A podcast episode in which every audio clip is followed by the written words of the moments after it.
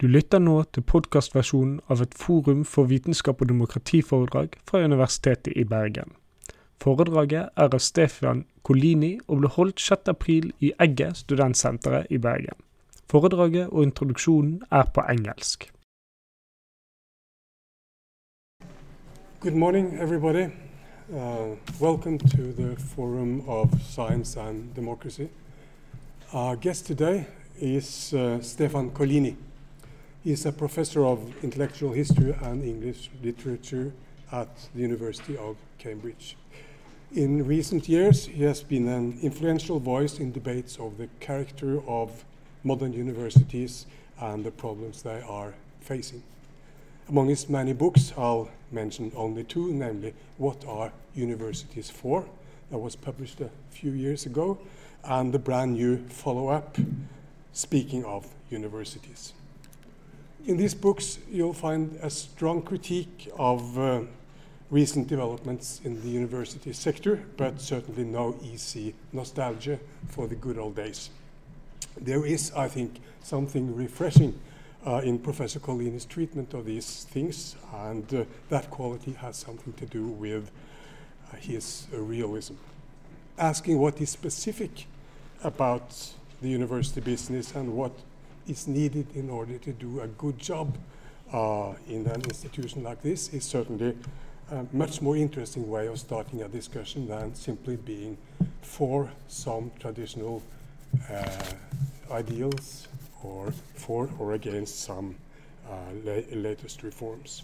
And that's, this is one of the reasons I have enjoyed reading his books, and this is also the reason why I very much look forward to his talk today. Please welcome Stefan Collini.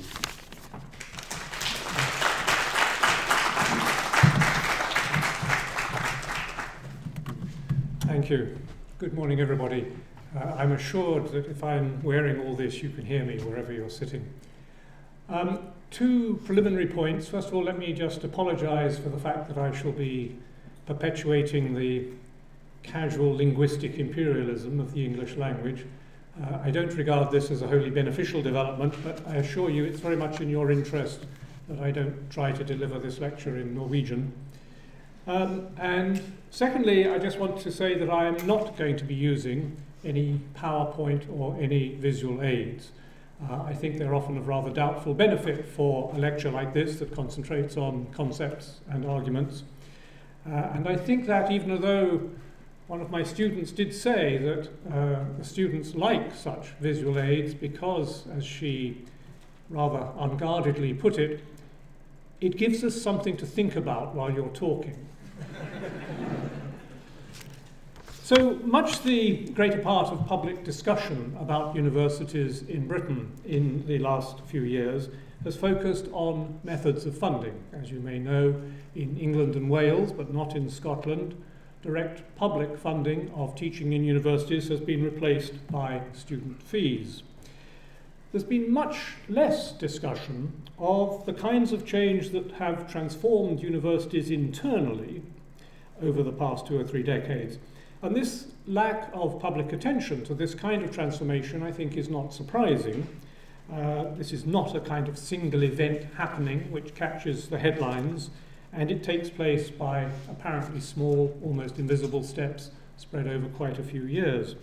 But the truth is that the character of British universities, and perhaps especially the experience of being a member of the academic staff of such universities, has been radically and systematically altered in the last few years, in a very short period of time. And this process, I think, has received much less attention or analytical criticism.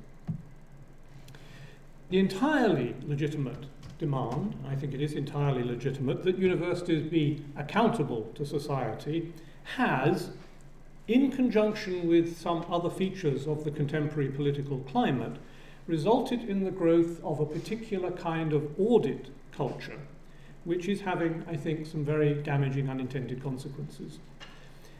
I know that those who concern themselves with the future of universities in other European countries have been watching these developments with uh, considerable interest, not least because they, or you perhaps, um, may quite reasonably fear that some of these market oriented measures may shortly be coming in your own countries if they haven't already.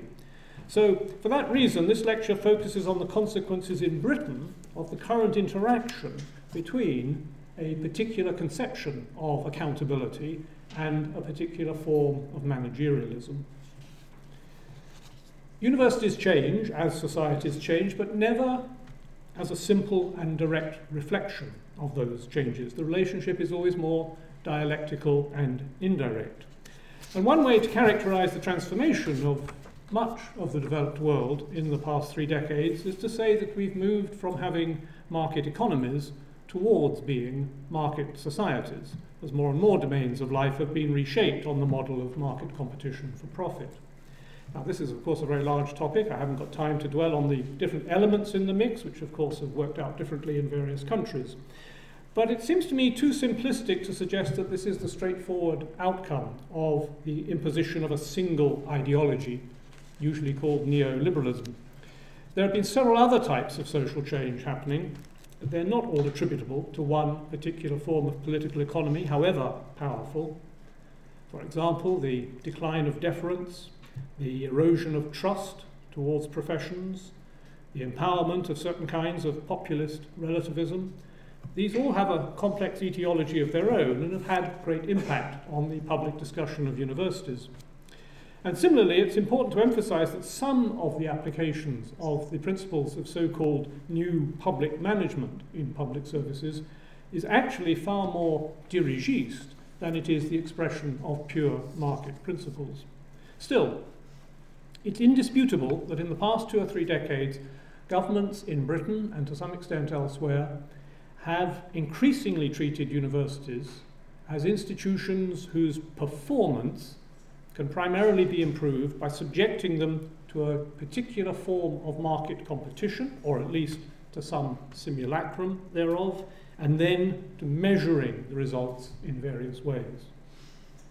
Now, one feature of these changes that's particularly relevant to my theme this morning, but is, I think, too little noticed, is the way in which the generalization of the consumer model, which is entailed by the metaphor of the market, involves an agnosticism about human ends and a consequent downgrading of reasons as opposed to preferences. So, this promises to bypass all the difficult judgments about some human activities being more worthwhile than others and simply allows the mechanism of consumer choice in a market not just to determine outcomes, but to confer legitimacy on them. Its strength, of course, is that no individual or group is seen to be dictating to others what they ought to want. Its weakness is that it makes it harder for public discussion to address the question of whether some purposes may be humanly more valuable than others. So instead of reasons, therefore, all we have are opinions which are treated and derogated as subjective.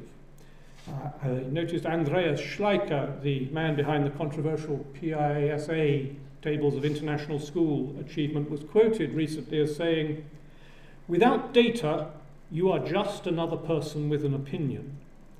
And the fact that that was allowed to pass without any critical comment at all, I think, shows how much in contemporary public debate, we automatically relegate anything that's not quantifiable, data, to the status of subjective opinion. Hence, surely, the fetishization of metrics and benchmarks.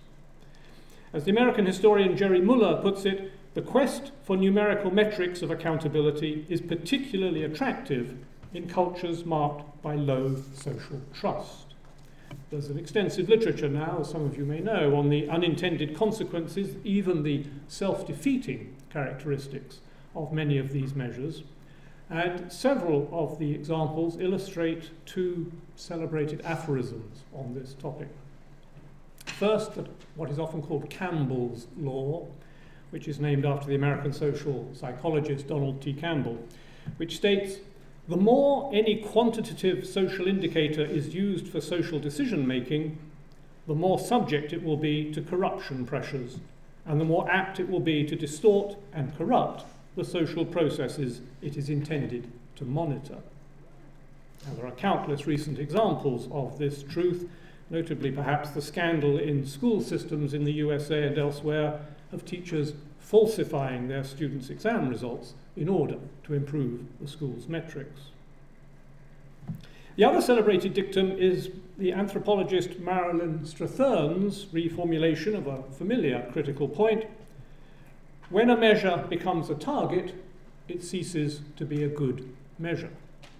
In other words, initially you set out to measure how much people like doing activity X, then you set a certain figure as the number of times people should aim to be doing that activity, a benchmark, or else there will be penalties, and thereafter that indicator becomes worthless. It only tells you that people are now doing what they've more or less been forced to do. The result, says Muller, is goal displacement, where the metric means come to replace the ultimate ends that those means ought to serve.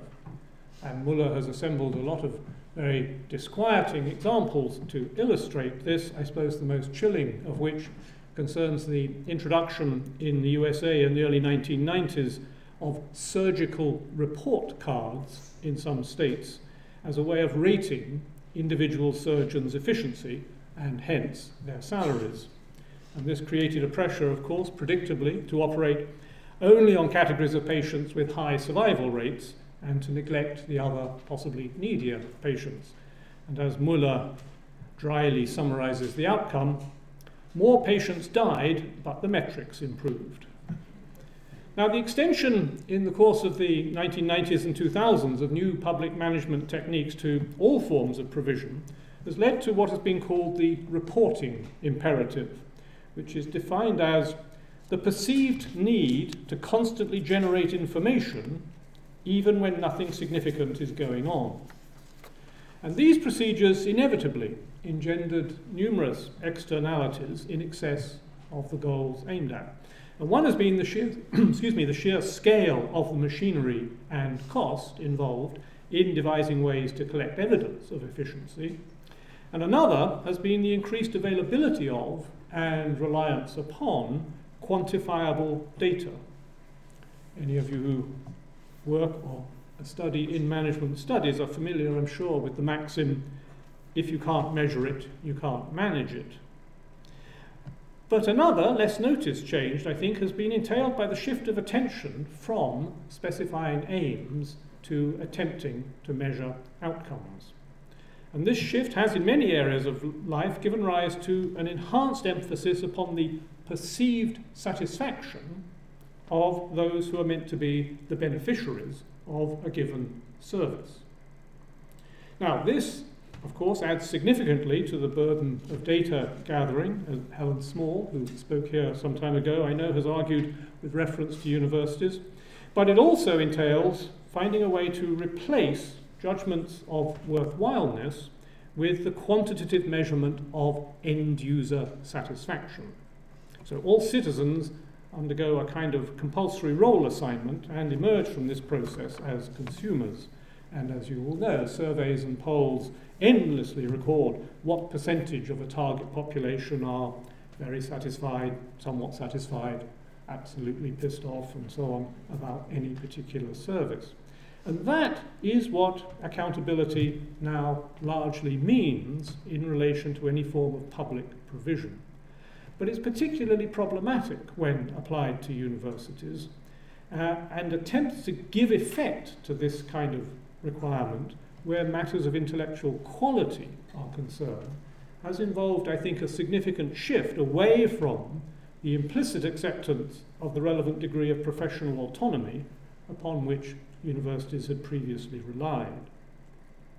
So, asking users of, say, a given rail service whether they are satisfied with the punctuality or cleanliness of the trains may yield information that can be both quantified and moderately useful. Asking users of a higher education system if they are satisfied with the quality of education they've received is likely to produce either responses which are interesting but not at all quantifiable, or which are quantifiable but probably not very interesting. And anyway, it's not clear that the category of users can easily be defined here. Are the parents of students users? Are employers? Are those bodies who compete for young citizens' votes or those concerned about the level of public debate and cultural discussion and so on? All of society is in some way or another potentially an interested party here. But more fundamentally, is user satisfaction a relevant way of assessing how effectively the purposes of education have been achieved. User dissatisfaction may sometimes be an important sign that genuine education is happening. And taking up the most contentious aspect of the question, how should this version of accountability be made to work in the case of those intellectual activities we now classify as research? Universities are pressed to show that society is getting value for money by investing millions in the research activities of its academics. But how to argue for this expenditure in the face of the allegedly quantified benefits of spending those millions instead on building roads or hospitals or aircraft carriers in the case of Britain. I think here we start to enter on territory where there's always likely to be some uh, tension between the short easily intelligible and often quantifiable case required for public debate in a market democracy, and the more extended and indirect case that may be needed in order to give an adequate characterization of the central purposes of universities. Now, I'll say again, it, it is entirely proper for those societies that invest considerable sums of public money in universities to want to be provided with some reasoned justification for this expenditure. I'm not assuming that academics should be exempt from that wholly legitimate expectation, but it ought to be obvious that the reasoned case must be couched in terms that actually capture what is distinctive and valuable about what universities do. But I think the terms of contemporary public debate, especially in Britain, make it difficult to articulate that justification in ways that those who largely shape attitudes in the media and policy making worlds assume will be acceptable to most of their audiences and electorates. Whether, in fact, their assumptions are too pessimistic is something I've argued elsewhere. In a public culture that is so sensitive to the prejudices of the right wing popular press, there's a very great and easily mobilized hostility to anything that can be represented as professional class welfare sponging. No matter that the corporate and financial elites cream off unimaginably greater proportions of what should, in some senses, be seen as public wealth, any group which can be represented as combining direct receipt of public funds, historic cultural capital, and some form of professional autonomy is going to receive a good kicking in this popular press. And that's true whether they are academics, directors of national theatres, BBC producers, members of parliament, or whatever. This popular interpretation of accountability means, therefore, not just democratic answerability, demonstration of the proper stewardship of public funds, insidiously it comes to mean, though of course this is always meant to remain implicit, not explicit, it comes to mean that the working conditions within these professions should be made to correspond more closely to those recognizable to the majority of the working population in society at large, regardless of whether those conditions are the ones which are best conducive to high quality work in these areas. So the issue of the quality of intellectual work, I think, is bound to be a vexed one in a culture of accountability. It necessarily involves the exercise of informed judgment in place of purportedly objective measurement. Our, our society's solution to this problem can be expressed in a single word, a word that has now become so universal that we're in danger of not even noticing it. In practically every official statement or document issued by practically every university describing its aims, or as it would now be said, its mission, you will encounter that institution's commitment to excellence. Now, I'm not going to dwell on commitment today, although I would just remark the way that business speak depends on harnessing but devitalizing the language of the emotions. No candidate now for a job in any walk of life is merely interested in something, they're always passionately committed to the activity in question. And I've noticed that job descriptions now embed the same hyperbole. I recently saw a vacancy advertised that declared to prospective candidates, you will be passionate about stock flow control. And you can't help thinking that an appointments committee should regard that as some kind of peculiar emotional derangement.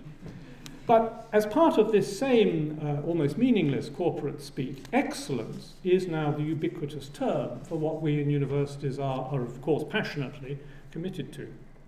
So it's worth pondering the semantic range of excellence for a moment. The thesaurus rightly gives two clusters of near synonyms. The first refers to those terms that indicate that something is good of its kind, and the second to those that suggest it is better than the others. So excellence connotes both fulfilling the telos of something. It is, for example, I've noticed sometimes given as a translation of the ancient Greek term, arete, but also excelling, rising above, being outstanding. So, in all ordinal scales of evaluation, we ascend, don't we, through satisfactory, good to very good to excellent, the best. So, excellence always totters unsteadily between being part of really an Aristotelian tautology, to attempt to fulfill any purpose is to attempt to exhibit the excellence appropriate to that activity, while also smuggling in the notion that it involves coming out on top in some form of competition. Now, no determinate meaning can be ascribed to the claim that a university is committed to excellence.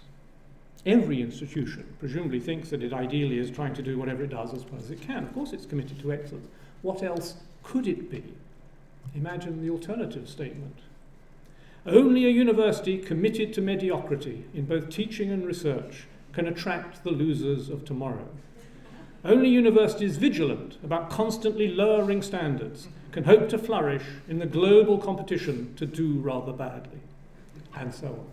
But although strictly meaningless, the use of excellence and similar bits of pattern does have a function.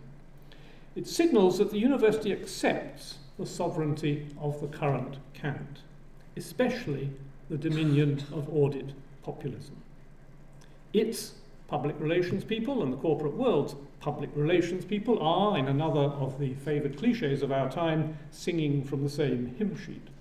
And it not only signals acceptance of the coercive fiction of competition, we try to excel, to beat the others, to win, but implicitly it also signals acceptance of the conventional forms of the measurement of achievement.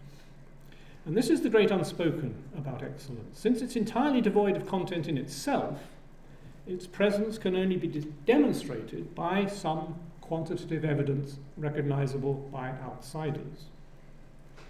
To be committed to excellence serves to announce that your institution will act as though there was some genuine value in being ranked in, say, the world's top 100 universities, or ranked in the top 10 in the research excellence framework in Britain and so on. Yes, says a university, we believe in excellence, and so we will, with conviction, submit ourselves to these exercises and strive to do well, to excel by their criteria. We are team players. We are serious about making a contribution to society. We understand the need to be accountable. We accept the need for objective performance indicators. All this, I suggest, hovers around the ubiquitous discourse of excellence, and it numbs us into not noticing how far we are from a modest and accurate account of the purposes of a university. This cluster of issues also illustrates what I would call the paradox of management within universities. The more dirigiste forms of university administration are bound to be endlessly frustrating for the administrators themselves, since they cannot compel or otherwise bring about the production of the thing that matters most intellectual quality, whether in teaching or scholarship or research.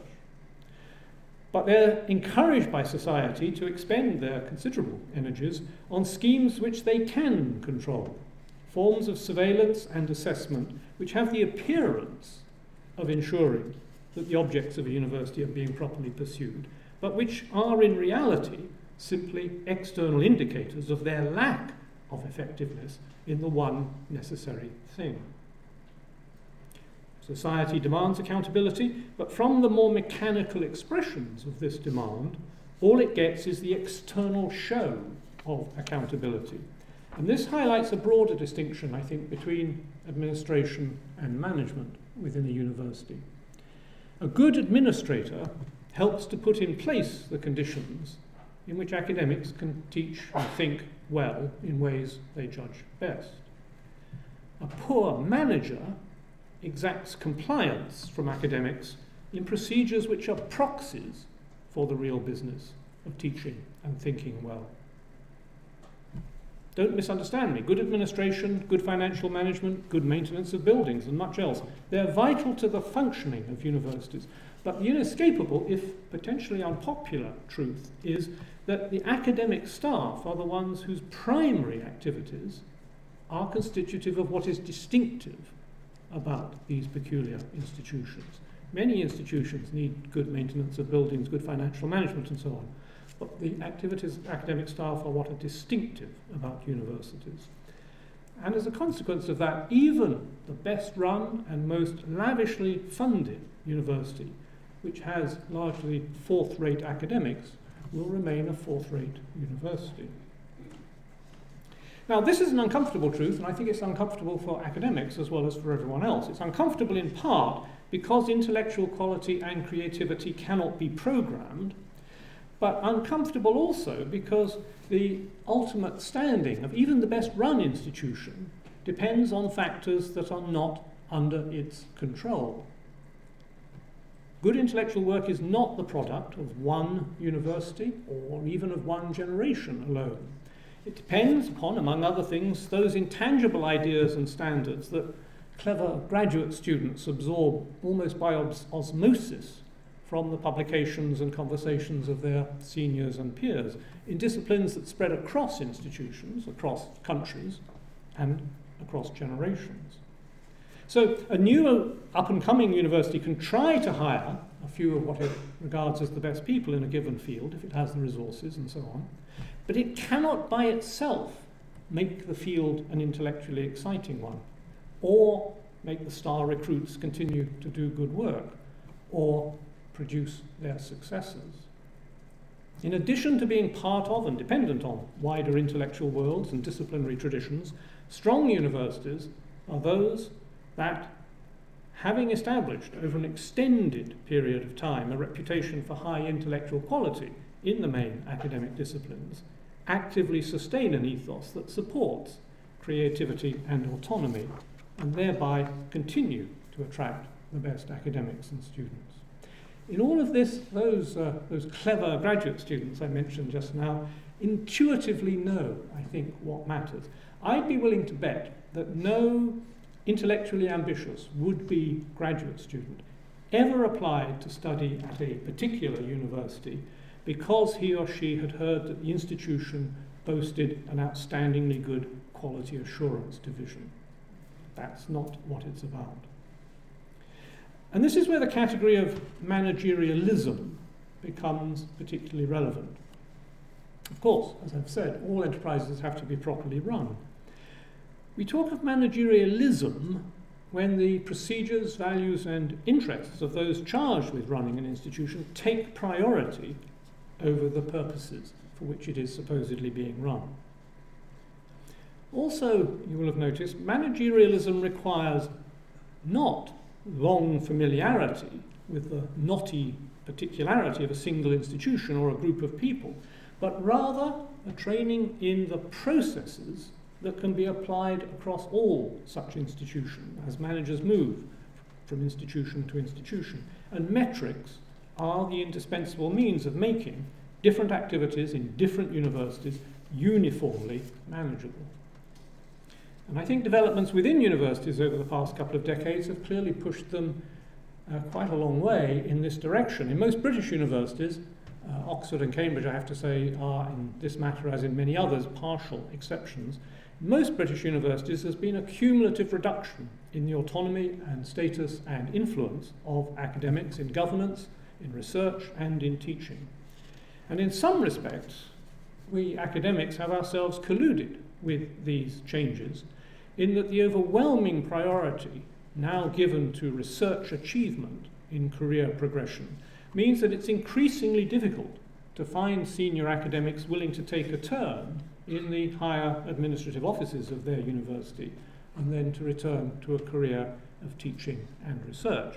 I have to say, by contrast, I applaud the system that I understand you still have here of electing your deans and pro-rector and so on, and I much admire those who are willing to take their turn occupying these offices and then returning to their teaching roles. Now, in Britain, as you may know, over the past two or three decades, there's been a dramatic uh, downgrading, even in some cases elimination, of forms of academic self government. Faculty senates have been abolished or bypassed, and we've seen a vast expansion in a cadre of professional managers who come over time to have their own aspirations and their own career paths. In addition, the greatly increased casualisation of the teaching force in universities not only saves money, but it also reduces the institutional voice of the established academics and increases the power of the manageriate. And so, indirectly, does the current regime of research assessment. It should be obvious, but it may be worth saying, that everything that tends towards greater performance management increases the powers of the managers. Managerialism, of course, operates through various mechanisms, not just by means of direct command. So, both externally and internally, a pattern of providing long term funding in ways that are most conducive to good intellectual work has largely been replaced by a system of artificially contrived short term competition for the necessary resources. Stable and adequate, if limited, funding is derided now as extravagant featherbedding inimical to innovation. Systemic underfunding plus competition and punitive performance management is seen as lean, efficient, and proper accountability. A recent report showed that academic staff in many British universities are now set annual targets for the amount of money they must bring in from external grant applications. No matter that very much research, especially in the humanities, does not require lavish expenditure on equipment or postdocs or whatever, no matter that the rate of success in most of these grant competitions is currently running at about 12%, so the great majority of applications are wasted effort, no matter that constantly inventing and then managing large research projects may be more likely to obstruct than to advance a scholar's capacity to do interesting work. Despite these and many other telling objections, this manic search for quantifiable measures of intellectual quality turns, in accordance with the prevailing economistic prejudices, to money as the most reliable metric and proxy. And this, of course, has already resulted in careers and, in some cases, even continuing employment itself being determined by the entirely mechanical application of these financial targets. And then there's the fallacy of continuous improvement. If the only publicly acceptable way to attend to questions of quality is by means of annual measurement against a quantitative benchmark, then the imperative to so called continuous improvement becomes both self fulfilling and self contradictory. The logical conclusion of such a process is obviously a situation in which 100% of students get the top marks, 100% of staff get maximum external grants, 100% of departments come top in research ratings, and so on. And when we get to that point, I think it will be time, I noticed as one particularly fatuous university advertisement put it recently, to go beyond excellence. Now, uh, I'm going to turn to what are perhaps two of the most familiar examples of the marriage between the demand for accountability and the drive towards some form of supposedly objective measurement. In Britain, the felt need to identify a demonstrable justification for public investment in research was issued in the requirement that university departments provide evidence of the non academic social and economic impact of their research. Some of you will be familiar with this, it's something I've uh, addressed elsewhere. But I want to return to it here, excuse me, because I think it's a particularly telling illustration of the tension between the current interpretation of accountability and the actual character of scholarly and scientific inquiry. The British Higher Education Funding Council's notion of impact may look at first sight intuitively appealing. This, it suggests, will demonstrate where academic research goes beyond the narrow circle of fellow specialists to directly benefit a wider public. But in fact, given the way impact is defined, what the exercise does, following a very expensive bureaucratic process, a huge expenditure of uncosted academic labour, is to assemble a great deal of detailed evidence of what are, in many cases, incidental byproducts or side effects of that research. Remember, impact is defined in such a way as to distinguish it not only from any shaping influence on other scholars or on students, but also as distinct from public engagement, that is, academics explaining to wider audiences the interest and significance of their work. That kind of engagement seems to me clearly desirable and to be encouraged, but nobody presumably would think it could function as a criterion of the quality of the research itself. But impact, as defined, involves something else, something extrinsic to the defining purpose of research itself. Now, I should uh, own up to the fact that I speak with some feeling on this topic because, much to the amusement of my colleagues, I was in charge of our faculty's submission to the Research Excellence Framework in the 2014 exercise. Uh, let me give you an example from it. Uh, for obvious reasons, it has to be anonymized. One of my colleagues is a leading scholar of the work of a 19th century poet, upon whom he's written some major studies. Partly as a result of a chance personal connection, in recent years he helped to choose the exhibits and write the captions and make other contributions for a display at a small museum devoted to this writer's life and work. Well, I had to turn this into an impact case study. I spent quite a lot of time chivying the poor staff at this museum. Could they supply visitor numbers? Sorry, could they please document those numbers in publicly verifiable form? Did they have evidence of what the visitors to the exhibition made of the experience? Did they ask them to fill in questionnaires? Did they have a comments book? Could they provide extracts in a duly authenticated form?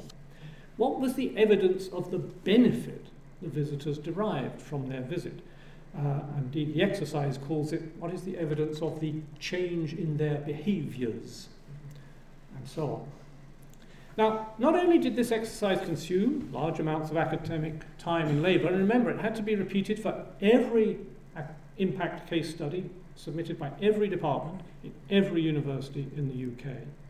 But it also, of course, put quite a burden on those institutions and members of the general public who were thought liable to be able to provide the evidence of this kind of impact. When the results of this exercise were finally made public in December 2014, it was entirely predictable that the government and the Higher Education Funding Council would claim that the exercise had been a resounding success.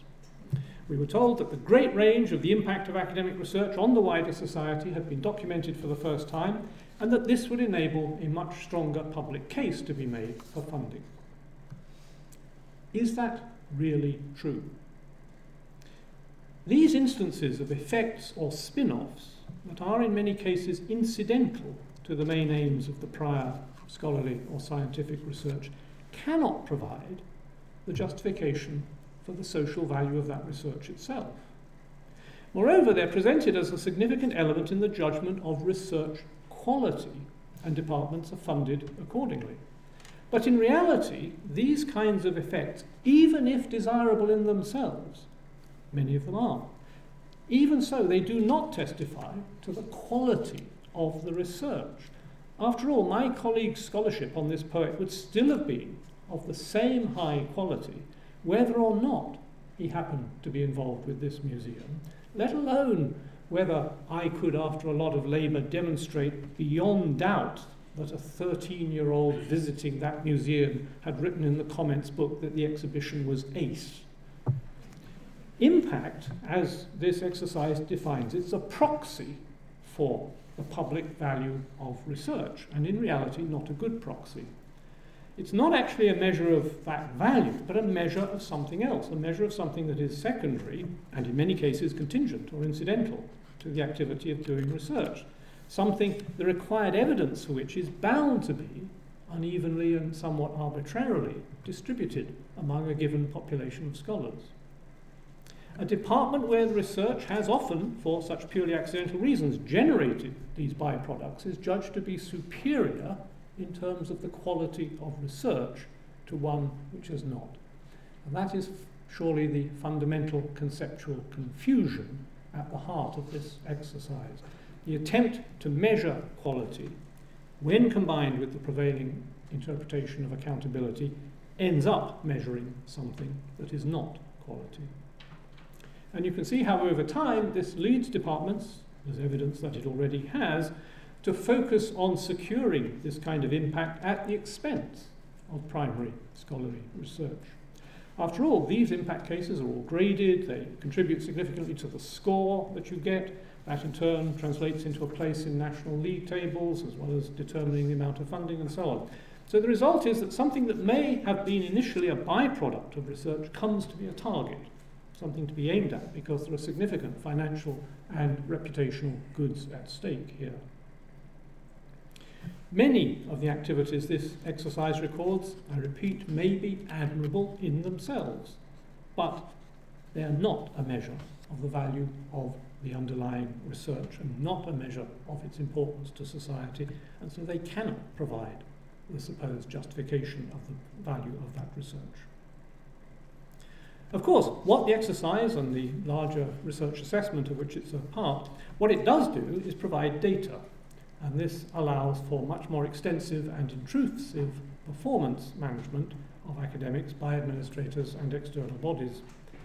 The attempt to impose an easily measurable form of productivity can be represented as a minimal requirement of public accountability, though in practice it has far reaching effects on the kinds of research undertaken or the shape of academic careers or an impact on teaching and so on.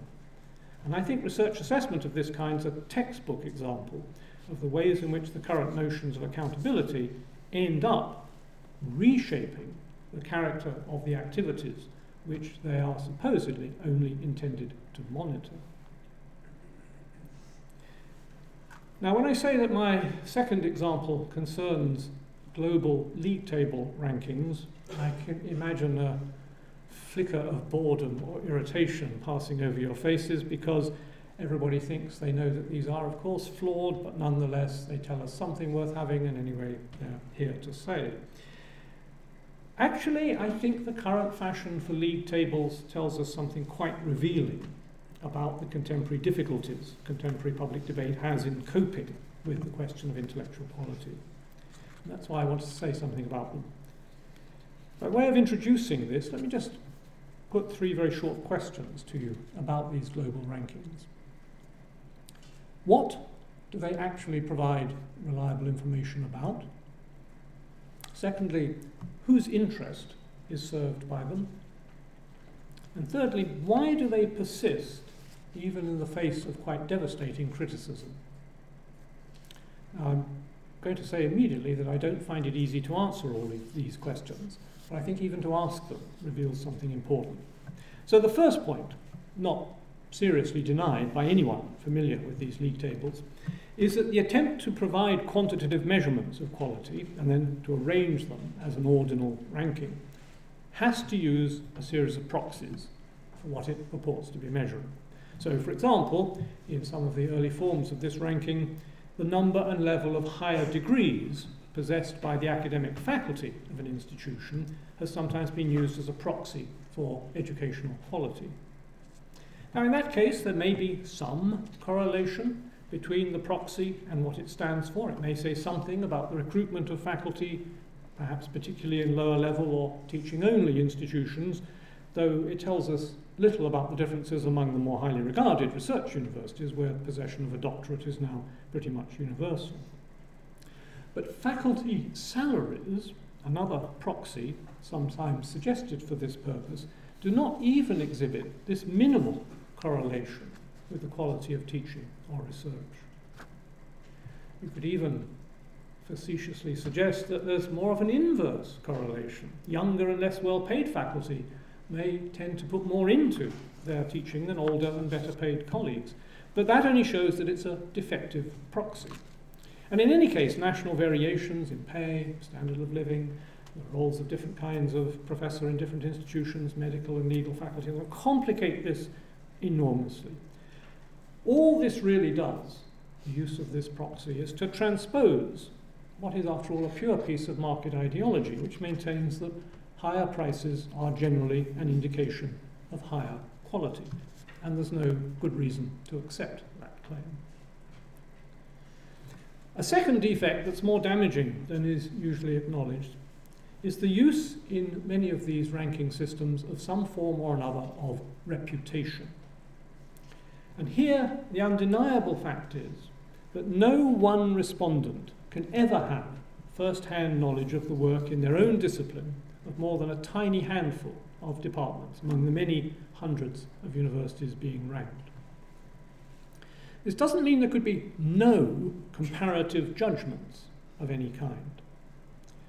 It's possible that an experienced senior professor of, let's say, early modern Norwegian history may have a reasonable idea about the general level and quality of work in the few institutions which sustain that work in his or her country. But even if there were agreement that that professor was sufficiently informed and sufficiently judicious, there'd still be no reliable way to convert those judgments into a numerical scale, and no basis at all for making reliable rankings about other aspects of those departments' work in other areas of the discipline, let alone work in different fields, in history departments in other countries, and so on. On this scale, no judgment about quality by an individual can be both reliable and comprehensive. And even the somewhat reliable and severely limited local judgments can't usefully be given a numerical expression.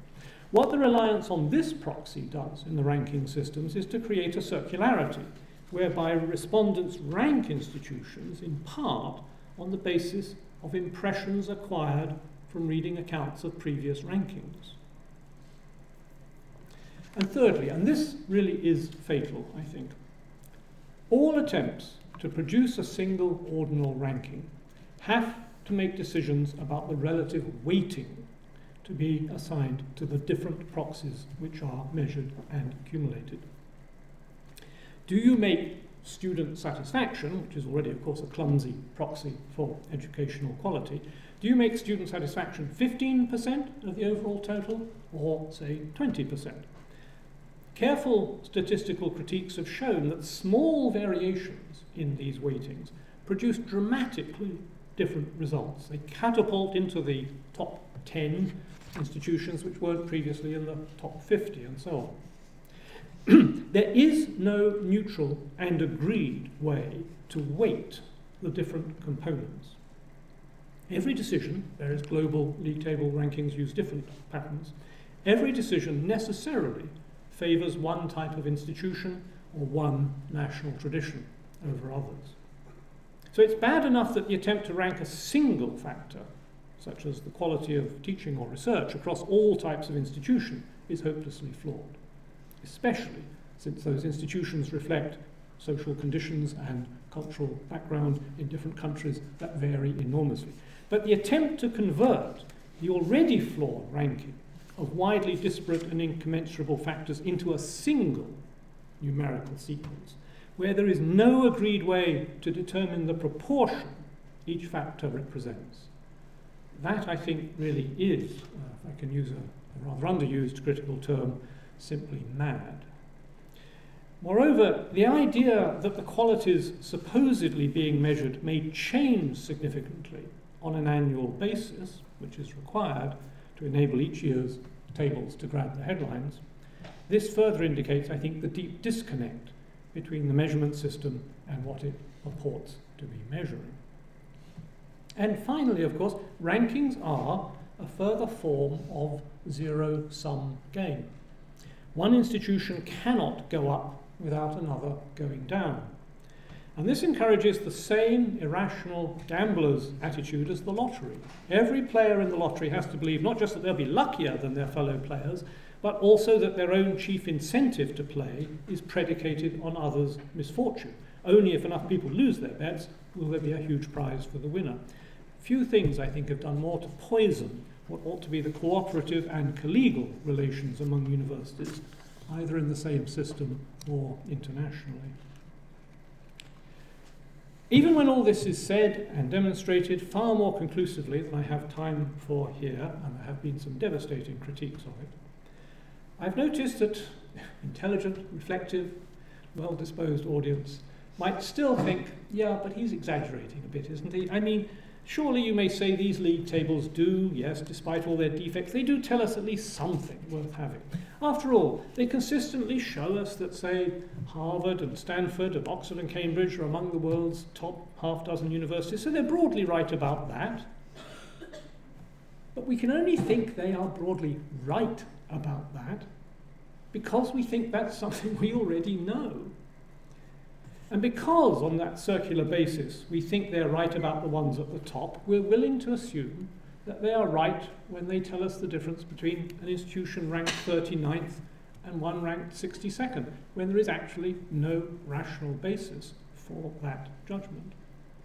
For the most part, the rankings give us pseudo statistical tabulation of incommensurable proxies, inflected by impressionistic judgments which have been shaped in part by previous rankings. There's much more that could be said, but let me quickly return to my three questions. What do they actually provide reliable information about? They do provide reliable information about those individual indicators that can be meaningfully represented in quantitative form. They provide reliable information, for example, about how much different universities spend on research. And that tells us something, especially about big science, not always quite what commentators assume, but they do not provide reliable information about whether one type of institution in country A is, in some meaningful sense, better than a different institution in country B. Second, whose interest is served by them? Not easy to say. Uh, in the first instance, of course, those who make money out of them, including the sponsoring publications, sales of whose special issue are boosted, and who then, of course, have an incentive to tinker with the weighting systems to produce newsworthy shifts in ranking positions each year. Those universities that think they can turn the results to their advantage are very willing to cooperate, and they then confer a further legitimacy, of course, on these rankings by making selective use of them. And everyone enjoys league tables. They're easily assimilable, and they provide some of the same kinds of vicarious interest that the statistical tabulation of all sports results does. But ultimately, surely they serve the interests of those who want their fellow citizens to assume that these institutions can be ranked as accurately as sports teams, and thus to encourage the belief that outsiders can measure their quality in the same way that they can measure the quality of any other public service. And my last question why is the principle of these obviously flawed rankings so impervious to criticism? I think this touches on some very deep questions about a market democracy's distrust of reasons and judgments, as well as its superstitious belief that numbers somehow escape the perils of bias and subjectivity. The devastating criticisms that have been levelled at these rankings are, where not simply ignored, are regarded merely as a stimulus to tinker with the metrics. Whereas what such criticisms I think are really telling us is that the very project of producing a single global league table is fatally flawed. But of course, recognition of that truth might depend on wider acknowledgement of the fact that we cannot have a single ordinal ranking of most of the things that really matter in life. And there's little in contemporary public discourse that makes the acknowledgement of that at all likely. So let me conclude. Um, I've tried to indicate very briefly that there are forces at work in shaping contemporary universities that are more powerful and more pervasive, even than the question of funding and the use of fees. And part of what we should have learned, I think, from the experience of the past few decades is that just as relative stability of funding is at least as important as the actual level, so the mechanism of funding can be as important as the source. The so called arm's length principle was a very clever device because it recognized that the providers of the funding were not competent to create the conditions most favorable to good intellectual work.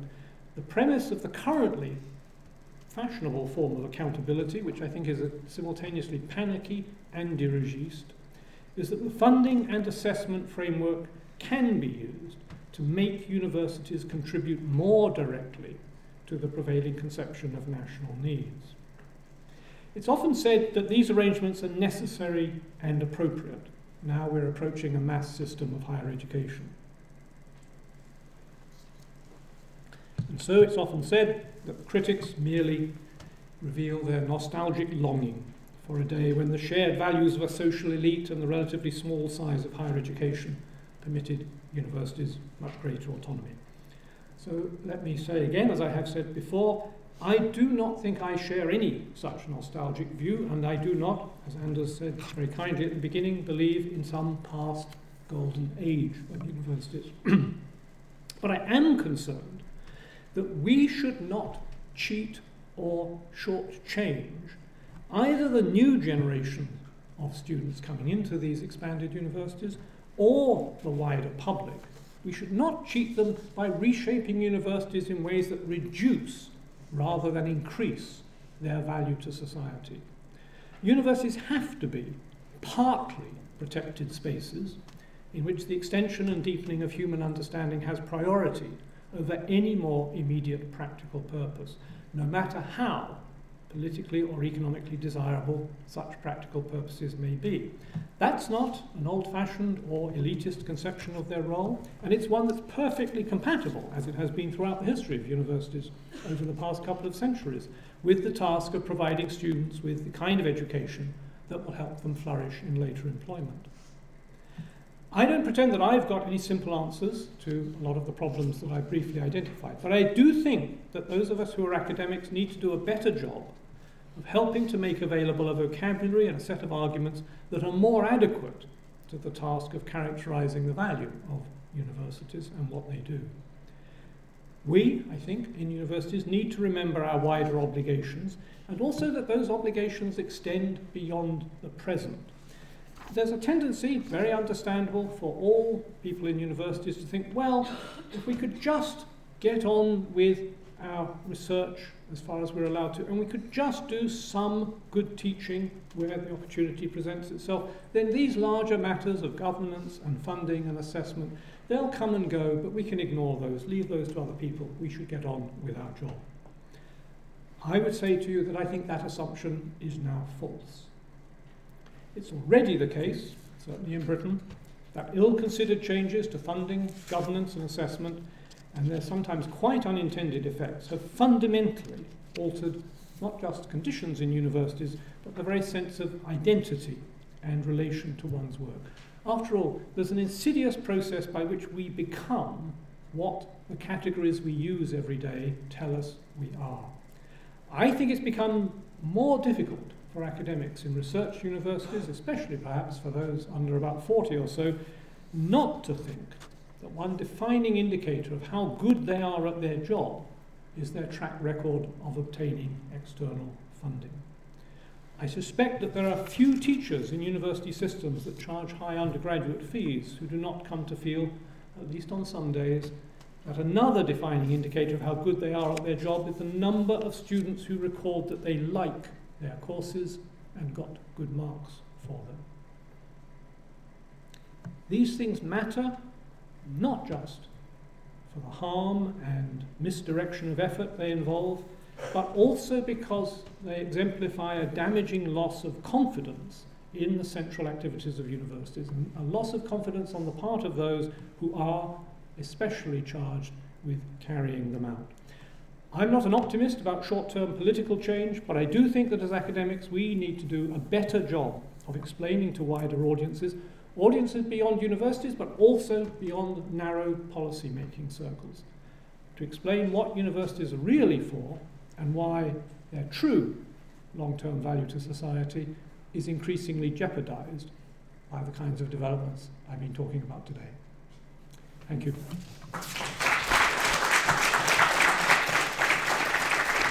Thank you, thank you very much. Uh, we still have we still have some time for uh, answers, uh, questions, and, and discussions. 15 minutes, I think. So if you just give me a sign, I can try to organize a list of speakers. Yes? Well, the issue of legitimacy is an important one. If you cannot legitimize your institution, you're in serious problems. And how should it be legitimized? By. Please, excuse me, I don't hear you at the back, so please use the microphone. you legitimize yourself by being visible. So the professor who pronounces a, a professorial triviality in the newspaper is a great, great uh, producer of this uh, reputation of the university. The one who is quiet and does his respectable work is invisible, hence no, not contributing. So there is a very unhappy marriage here. The politician has to care about the about the important topics of the day. The research councils as well. And the university will immediately sell its soul by erecting a center for whatever it is, climate or sustainability or emancipation, and these will own a fraction of the money and they will appropriate a corner of the university. And there is explosive growth. So there is an internal reshaping of the university, as you, as you point out, which is driven by the topics of the day. And this is not science. Okay. This is business. okay, thank you. So, first of all, on the question of uh, if one is to attempt to make the case for universities, whether one is necessarily drawn into uh, I think what you called uh, publishing some triviality uh, in the newspaper. I think the starting point has to be for us to remember that if we do not attempt to make the case, then the case will be made in less good terms by other people. Uh, I am not willing to see what I see, even in the best newspapers in Britain, that passes for a description of what universities do as a fair representation of what I know we do every day. We are better placed, I think, to replace that misleading description with a better one. I don't think that's in any sense beneath us. I don't think that's um, falling in with the politicians or other people's uh, discourse necessarily. We cannot afford not to engage with that, I would say. Um, on your second point about the way in which uh, there is a certain, at least I hope I correctly understand your second point, uh, a certain fashionability that leads to some themes getting support and centres being set up and money being channeled towards them. Uh, that is undeniably true. Um, here's one of the places where I would say that I think again we have a strong interest in maintaining the integrity and standing of disciplines and their institutional expression in departments. Um, I think this is where the continuity of scholarly standards, the transmission from one generation to the next of the uh, best levels of achievement, and a proper ability to assess new contributions really lies. And the various kinds of centres which are set up often on a thematic basis. Um, of course, one buzzword these days is interdisciplinary. That can be wonderful. But if they're interdisciplinary, it's because there are already existing disciplines which underlie them. And I think our role very often must be to make sure that the underlying disciplinary base of a university is in good intellectual order and not think that it should all be dissolved into other kinds of centres. And I still think we could do that. So just to come, come it appears to me that this old idea of departments, that's outdated, but it's not. I agree with both those comments.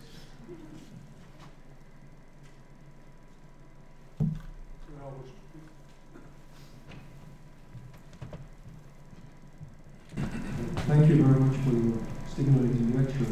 I asked my students in political theory to come here to listen to you today. I think some of them are here because we thought your lecture would be a good complement to our book from Wendy Brown on neoliberalism and, uh, and uh, intellectual traditions at the university. And uh, she's talking a lot about the human capital approach. She's very unhappy what's going on in the Anglo-American world, the economization of everything, and uh, all these governance instruments like best practice, uh, human capital, all that you've been talking about.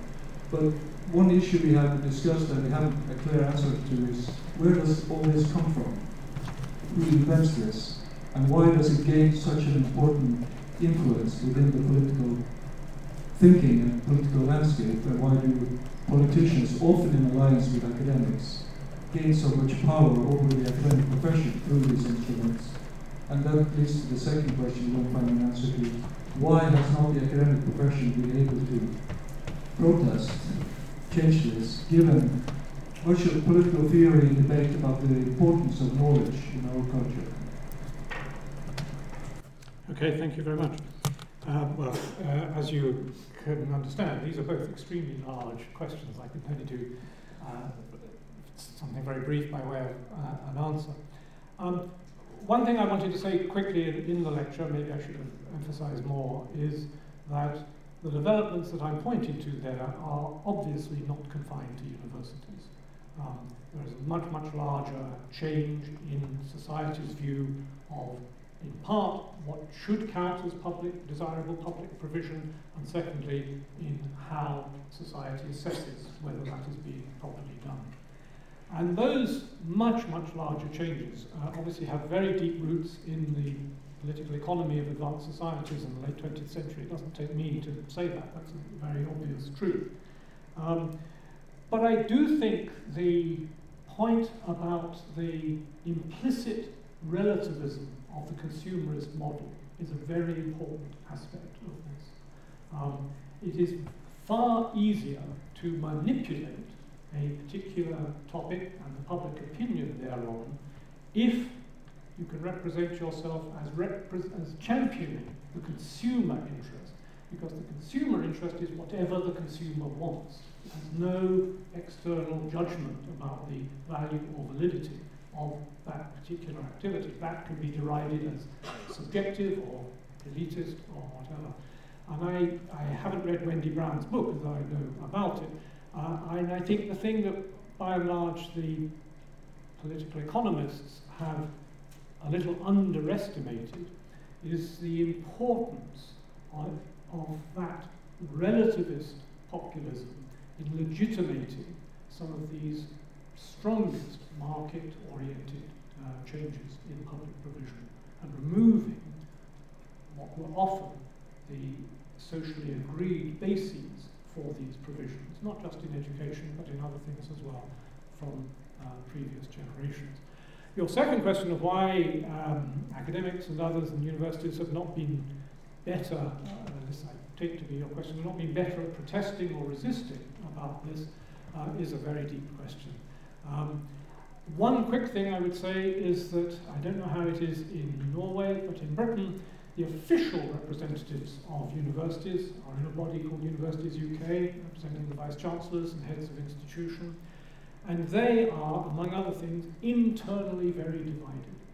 Uh, there are so called groups there, which, in their response to successive waves of policy, have by and large perhaps necessarily, perhaps understandably, but have by and large pursued the sectional interest of one group of universities, not the collective interest of higher education in the country as a whole. I very strongly believe that in all our societies you need to take, first of all, an international perspective, but then secondly, within your own country, a national perspective across the whole system. There are different kinds of institutions, often doing slightly different things, but they all are part of a valuable provision.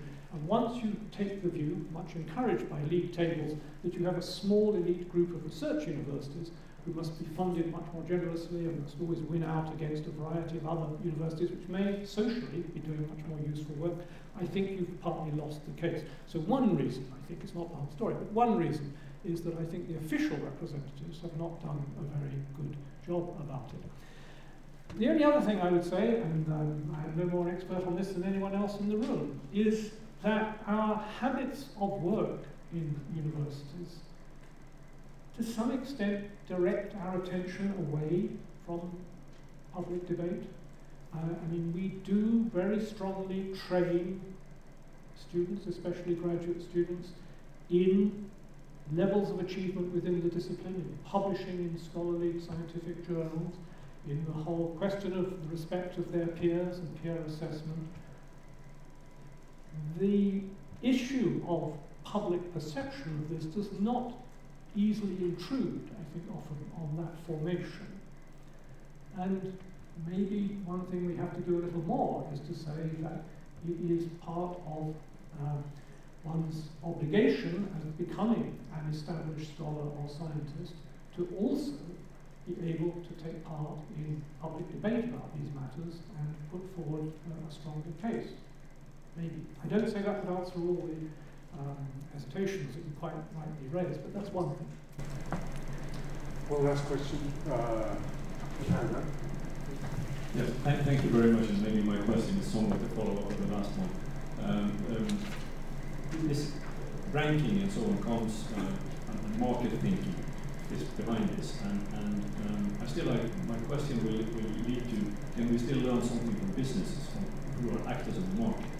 And the reason, the way I'm leading into this is uh, the way some businesses go together in clusters when they are in an area. Uh, for example, seafood in Norway, they, they look at how they can improve their total market in the world, and they realize quite quickly that if they focus only on competing with each other, then they will not reach as far as if they share experiences and, and have some kind of open innovation. So they have these externalities that they can internalize and thereby making, making things happen more efficiently. And my question is then to university leaders and, and who shall deal with these issues, competing for funding from the government and so forth. How are we thinking too much about competing with each other and not doing the right things, internalizing some of these externalities? Yeah, okay, thank you. That's a very good question. Um, I would just briefly say that uh, since I've started uh, orating about universities, I've necessarily been on a number of panels that have included leading business representatives. And one of the things that I've been impressed by is that those business representatives, especially from the larger and international companies, all unanimously say the model that is being proposed for universities as more like businesses is not actually the model followed by businesses in their own best practice. There is a kind of outdated management school theory here that is being applied to universities, whereas they would say, I, running my large multinational corporation, have much more concern for the question of morale of staff, the autonomy of units, and so on, and that the kind of uh, micromanagement that is being recommended here in the name of being more businesslike is not what we do in the best businesses. And that, I think, is, is very revealing, and I think it goes to your point, because some of the things that such um, businesses are doing, as you rightly say, is recognizing where cooperation is actually economically effective. It's in their shared interest. Um, and uh, I, am so struck by how the um, idea of cooperation between and among universities, or even between and among scholars, is now under a lot of pressure as being in some sense unbusinesslike.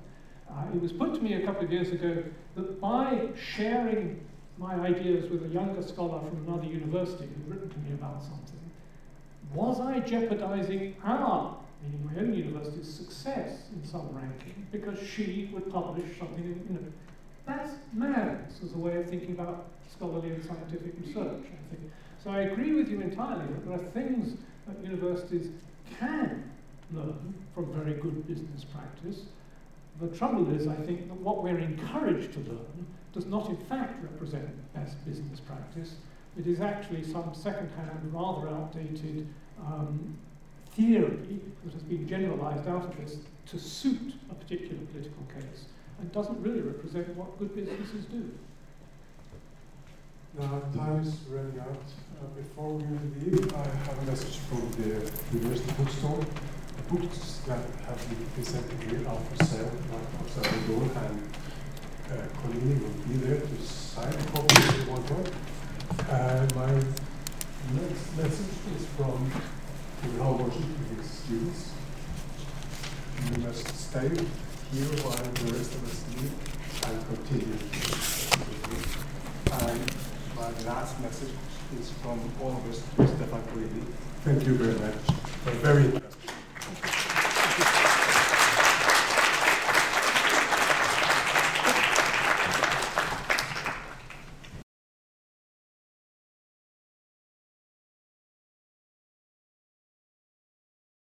You have now listened to a Forum for Science and Democracy lecture.